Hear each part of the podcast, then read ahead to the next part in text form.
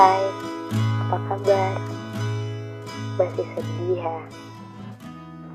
Iya, aku tahu kamu pasti ngerasa kehilangan banget kan? Pasti kamu juga ngerasa penantian kamu selama ini tuh kayak sia-sia aja.